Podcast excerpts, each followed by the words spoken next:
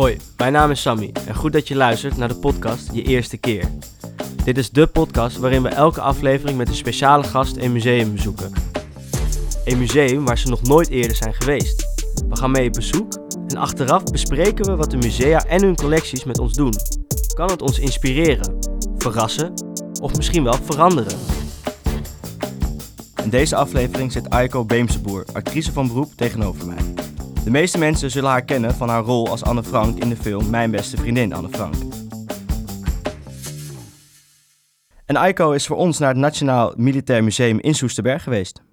En eh, we gaan het maar gelijk over je museumbezoek hebben. Ja. Want het museum vertelt in de breedste zin het verhaal van de Nederlandse krijgsmacht. En herbergt de grootste militaire collectie van Nederland. Met meer dan, let op, 300.000 objecten, waaronder ook tanks en straaljagers. Dus ik kan me voorstellen dat het niet echt een stoffig bezoek was. Nee, maar zou ik je eens iets vertellen? Ik wist helemaal niet dat het bestond. Dus ik kwam daar aan en ik had nog helemaal geen beeld bij wat ik daar zou. Aantreffen. Ja, aantreffen. Want ik, ik denk, ja, misschien ga zie en wat daar hoopte je? Aantal, ja, nou, je hoopt natuurlijk wel op het allerspectaculairste. Maar ja, daar ga je niet vanuit. Nee. Dus ik dacht van ja, ik zie daar wat wapens en ik misschien wat foto's en weet ik veel. En ik kwam eraan en ik zie echt een heel groot gebouw. een heel groot gebouw met allemaal Spitfires, F-16 eh, eh, vliegtuigen. Echt allemaal hele, ja.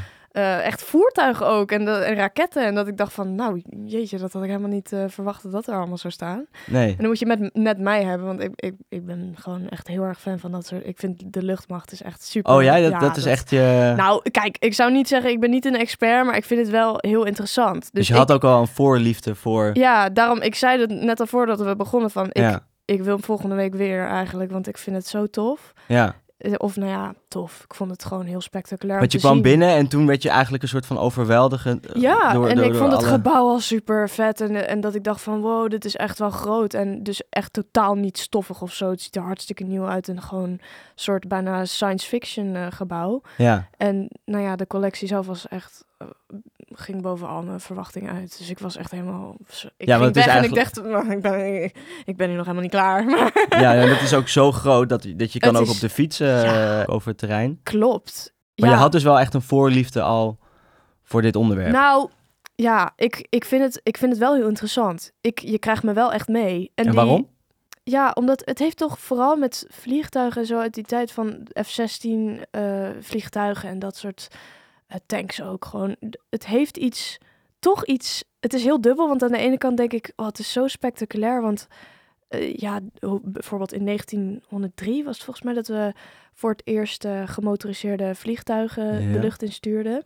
Of nou ja, dat was dan één vliegtuig. En daar begon het in 1903. En toen, elf jaar later, dachten ze in de Eerste Wereldoorlog: oké, nou, let's go. We gaan het inzetten. We gaan het gewoon inzetten voor de oorlog. En het is toch echt bizar om je dan gewoon voor te stellen dat die technologische ontwikkelingen zo snel zijn gegaan. En dat ze dachten van, nou, laten we er wapens op, eh, op doen en laten we er bommen eh, op doen en dan gaan we er gewoon mee vechten.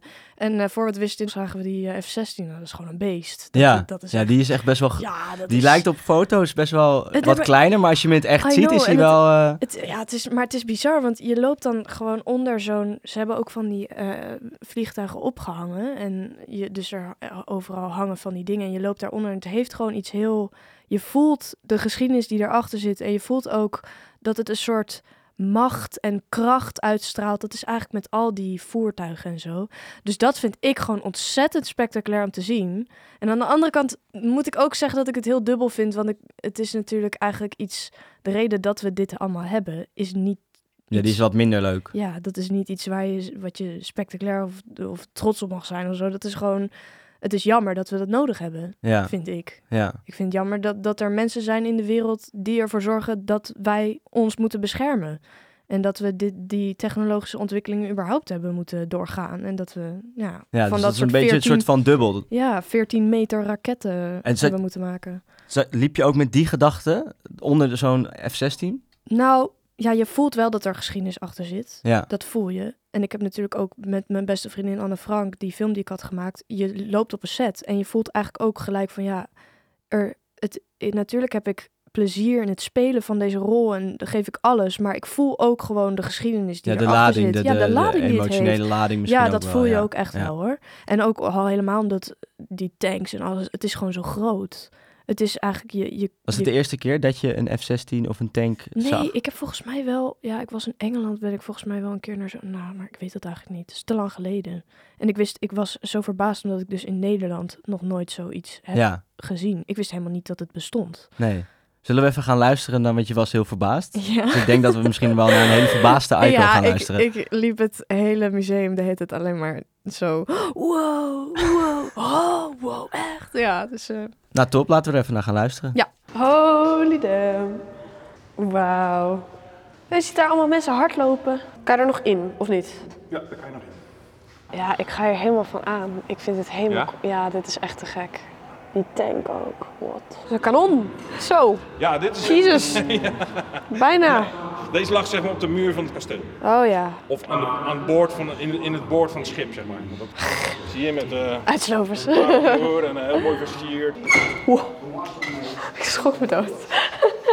voor, Ja, de, ja. voor de luxe poezen. Blinkdingen, ja, de blinkdingen die hangen hier. Gewoon omdat we ze mooi vinden. Omdat het kan. Ja, omdat, ja, because we can. Dit, dit is toch te gek. Maar dit zijn een beetje de Rembrandts en Vermeers van onze collectie. Dus Wauw. Ja, het dat, zijn dat is pistolen uit de 17e eeuw met lades, dus kolven uit één stuk ivoor. Dit zou je zo kunnen zien in een eh, soort Marvel-film. Ja, cool hè? Het is zo gek. Het zijn wel show-offs allemaal, hè? Ja hè, kijk dit. Best wel pimp my gun, zeg maar.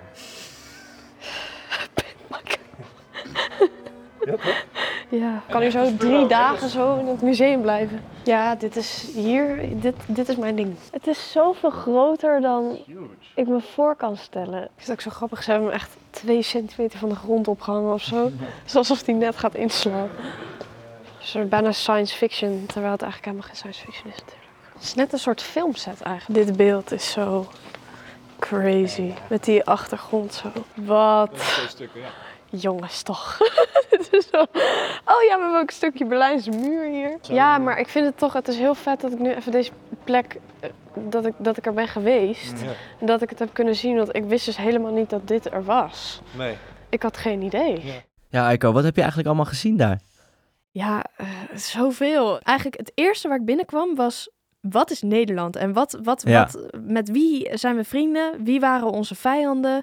Want we hebben eigenlijk eh, met iedereen wel een keer een bonje gehad. Ja, Dus, eh, en toen begonnen we gelijk met een soort...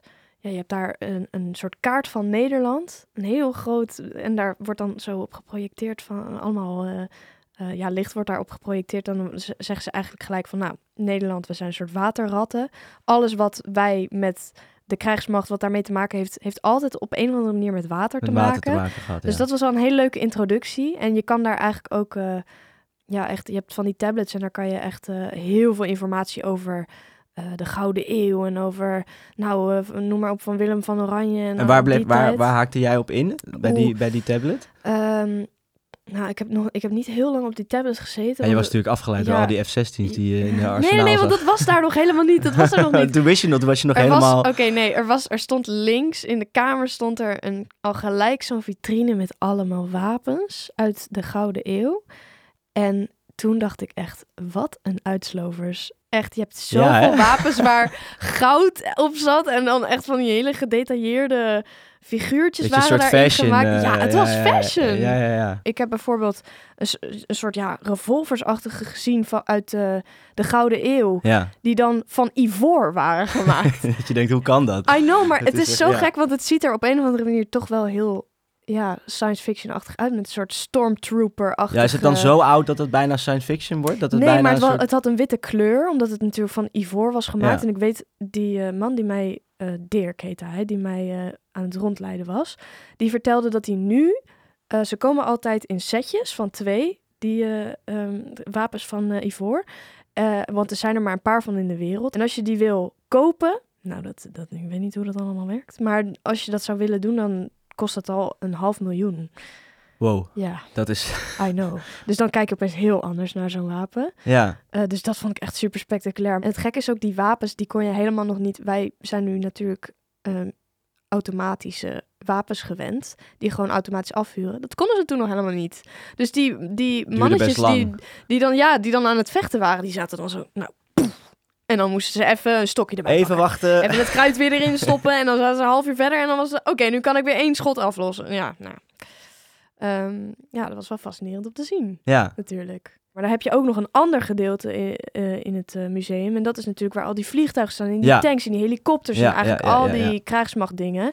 Ehm, en daar was ik echt, toen ik daar binnenkwam, was het eerste wat ik zag was een raket die 14 meter lang was. En Ja. die hing dan zo eh, echt een stukje van de grond. Echt 5 centimeter of zo. Ja, ja.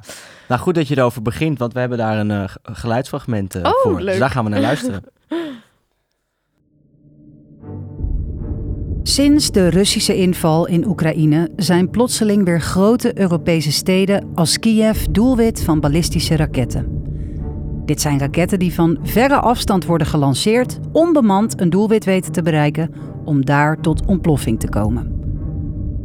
De eerste ballistische raket was de zogenaamde V2 en is door Nazi-Duitsland ontwikkeld onder leiding van de raketwetenschapper Werner von Braun.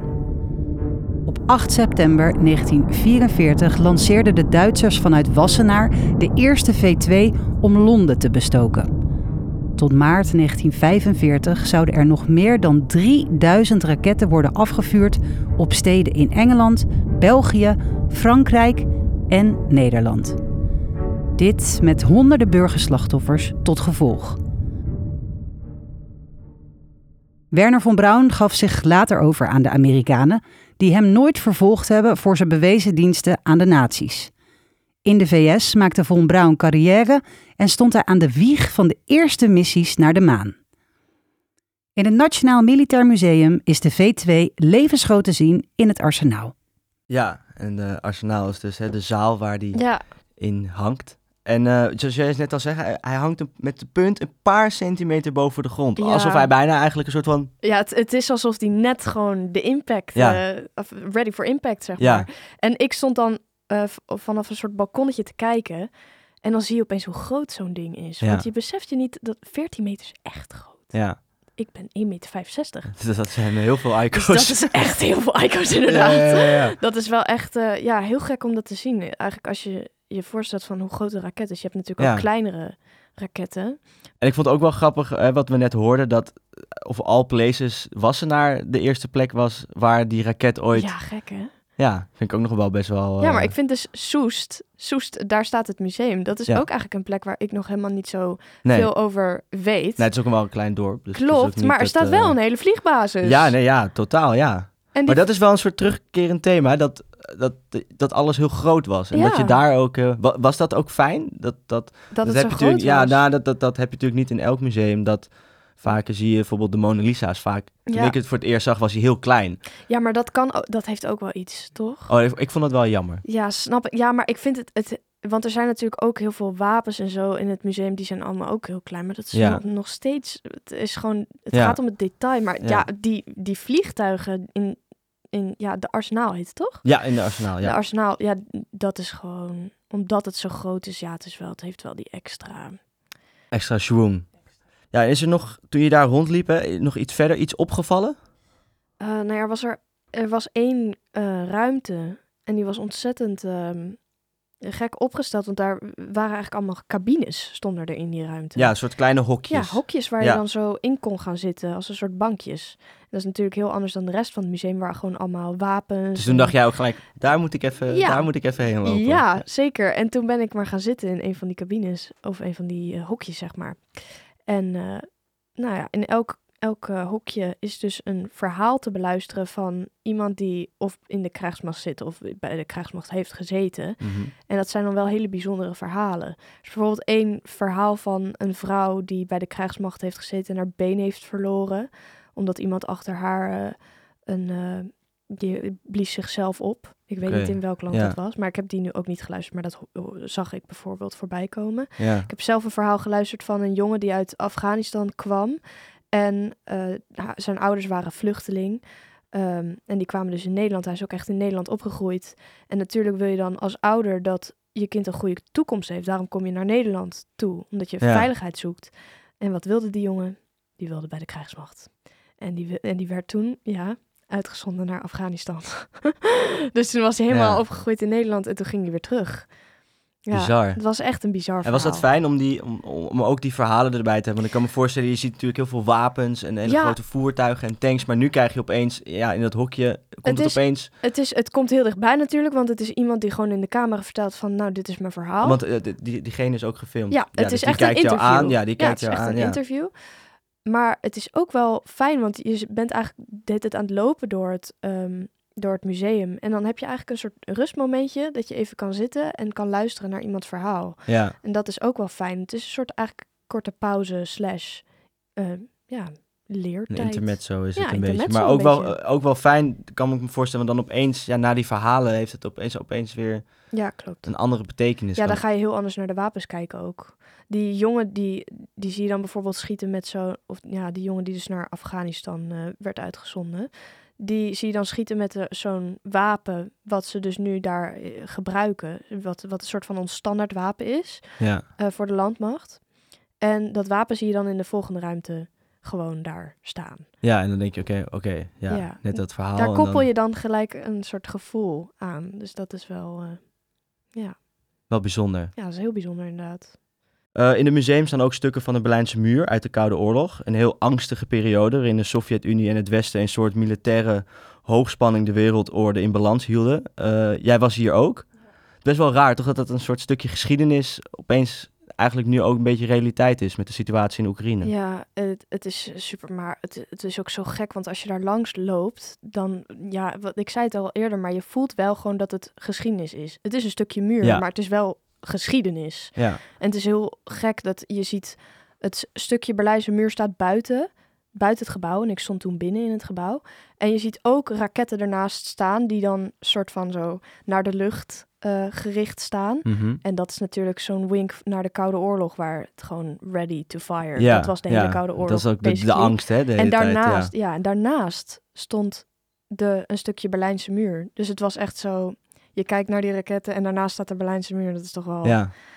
ja. een gek, eh, gek beeld. En loop je dan nu ook daar ja, anders langs dan zo'n bij die tentoonstelling of bij dat dit stukje Berlijnse muur? Dat, dat daar wat de situatie in Oekraïne is nu.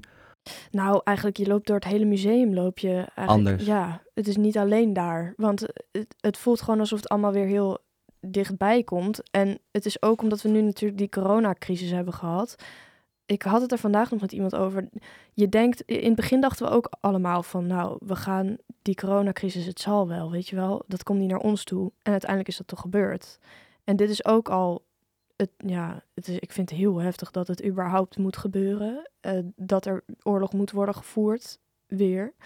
Ehm, en het voelt ja, toch automatisch alsof het dan misschien toch wel heel dichtbij gaat komen. Ja, Die kans bestaat. ja. En nou weet ik er natuurlijk, ik ben niet een expert erin, dus ik weet niet hoe groot die kans is. Maar het, ik, ja, ja, maar ik denk dat het meer om het gevoel gaat ook. Ja, hè? Of het het, nou gebeurt gewoon, of niet. Ja, het is, en je we- loopt we- dan toch ja. door zo'n museum heen van ja, ik, het, het is gewoon ontzettend stom dat we dit allemaal nodig hebben. Ja. Welke invloed heeft het museum gehad op jou, hoe je naar militairen of defensie kijkt? Nou, ik heb ontzettend veel geleerd. Dus ik, eh, ik weet nu hoe de krijgsmacht eh, een beetje in elkaar steekt. En dat het dan bestaat uit de landmacht en de luchtmacht en de marine en de marechaussee. En het is echt, eh, je kan zo diep erin gaan als je wil. Ja. Dus ik kon natuurlijk niet eindeloos lang in het museum blijven. Maar als dat had gekund, dan had ik daar waarschijnlijk veel langer gestaan. Want je kan echt tot aan gewoon de basics. Eh, ja, tot, tot echt de diepte in van wat betekent die badge en wat betekent die badge. En eh, Ja. eh, nou, hoe is die codetaal? Hoe zit dat allemaal in elkaar? Het en dat wist echt- je eigenlijk helemaal niet. of Nee, je had joh. geen idee dat dat er allemaal... Nee. Dat was allemaal een soort van één Ja, soort pot nat Ja, misschien. en- eh, en het is ook... de defensie. ja, Ja. ja, en het is, ja precies, gewoon de defensie. ja. En ik wist dan natuurlijk wel dat je marechaussee had en marine. Maar het is gewoon heel overzichtelijk eigenlijk. En heel erg van, nou, dit is de basis. En als je zin hebt om eh, alles erover te weten te komen, dan kan dat. ja. Dan kan je net zo lang doorgaan totdat je, totdat je, Je kan gewoon lekker, kan. lekker het fietsje pakken, om negen uur daar aankomen Ja. en gewoon eh, tot sluiten rondfietsen Ja, als het mij, mij werd ook echt verteld dat je, je hebt waarschijnlijk niet, niet eens genoeg aan één dag om alles. Als je alles wil lezen wat er in het museum Ja. te lezen valt. ja, het zijn 300.000 objecten Ja, eh, zijn er te vinden. Dus in maar die zin, ja, je eh, moet heel specifiek zijn in waar, wat je wil leren. ja. Maar ehm, ja, het was... Het was eh, Dus, dus eh, we kunnen je misschien nog wel verwachten. ja, ik, ik heb al gezegd eh, tegen ze van... Nou, ik, misschien ben ik er volgende week weer. Ja, en ik vroeg me nog af, want je was wel een beetje fan van de luchtmacht. ja, Nu heb je de F-16 nou ja, bijvoorbeeld. fan, Een fan, vind ik zo een fan. beetje stom. Maar ik, ik, ik, ik, ja, ik ben gefascineerd. Ja, je had een fascinatie voor... De... Nu heb je de F-16 gezien. Zou je erin durven vliegen? Als je het Ja, zo ziet? Het is zo makkelijk om te zeggen ja. En dat is ook wel cool om dat te zeggen. Maar wel, Mm. je moet wel eerlijk zijn. Ja, ik, ja, als ik heel eerlijk ben, ik denk, ik zou het echt, ja, ik, ik wil, ik ben toch heel nieuwsgierig hoe dat is. Maar als het echt eh, gaat om mij als piloot daarin, dan gaat het om leven of dood. Als Ja. je dan echt uitgezonden wordt. Ik denk dat dat dan wel een andere koek is. Ja, Ik weet niet of ik daar me... dus toch dan misschien toch maar gewoon het houden bij de ronde doorlopen. Ja, ik denk het wel. Ja. Ja. Aiko, veel dank voor het delen van jouw eh, museumbezoek. En eh, beste luisteraars, bedankt voor het luisteren naar deze aflevering van Je Eerste Keer. Wil je nou meer horen van ons? Volg ons dan op je favoriete podcast-app. En binnenkort zijn we weer terug met een nieuwe aflevering. Deze podcast is een samenwerking tussen CJP en Museum TV en is geproduceerd door Podcast Studio Amsterdam.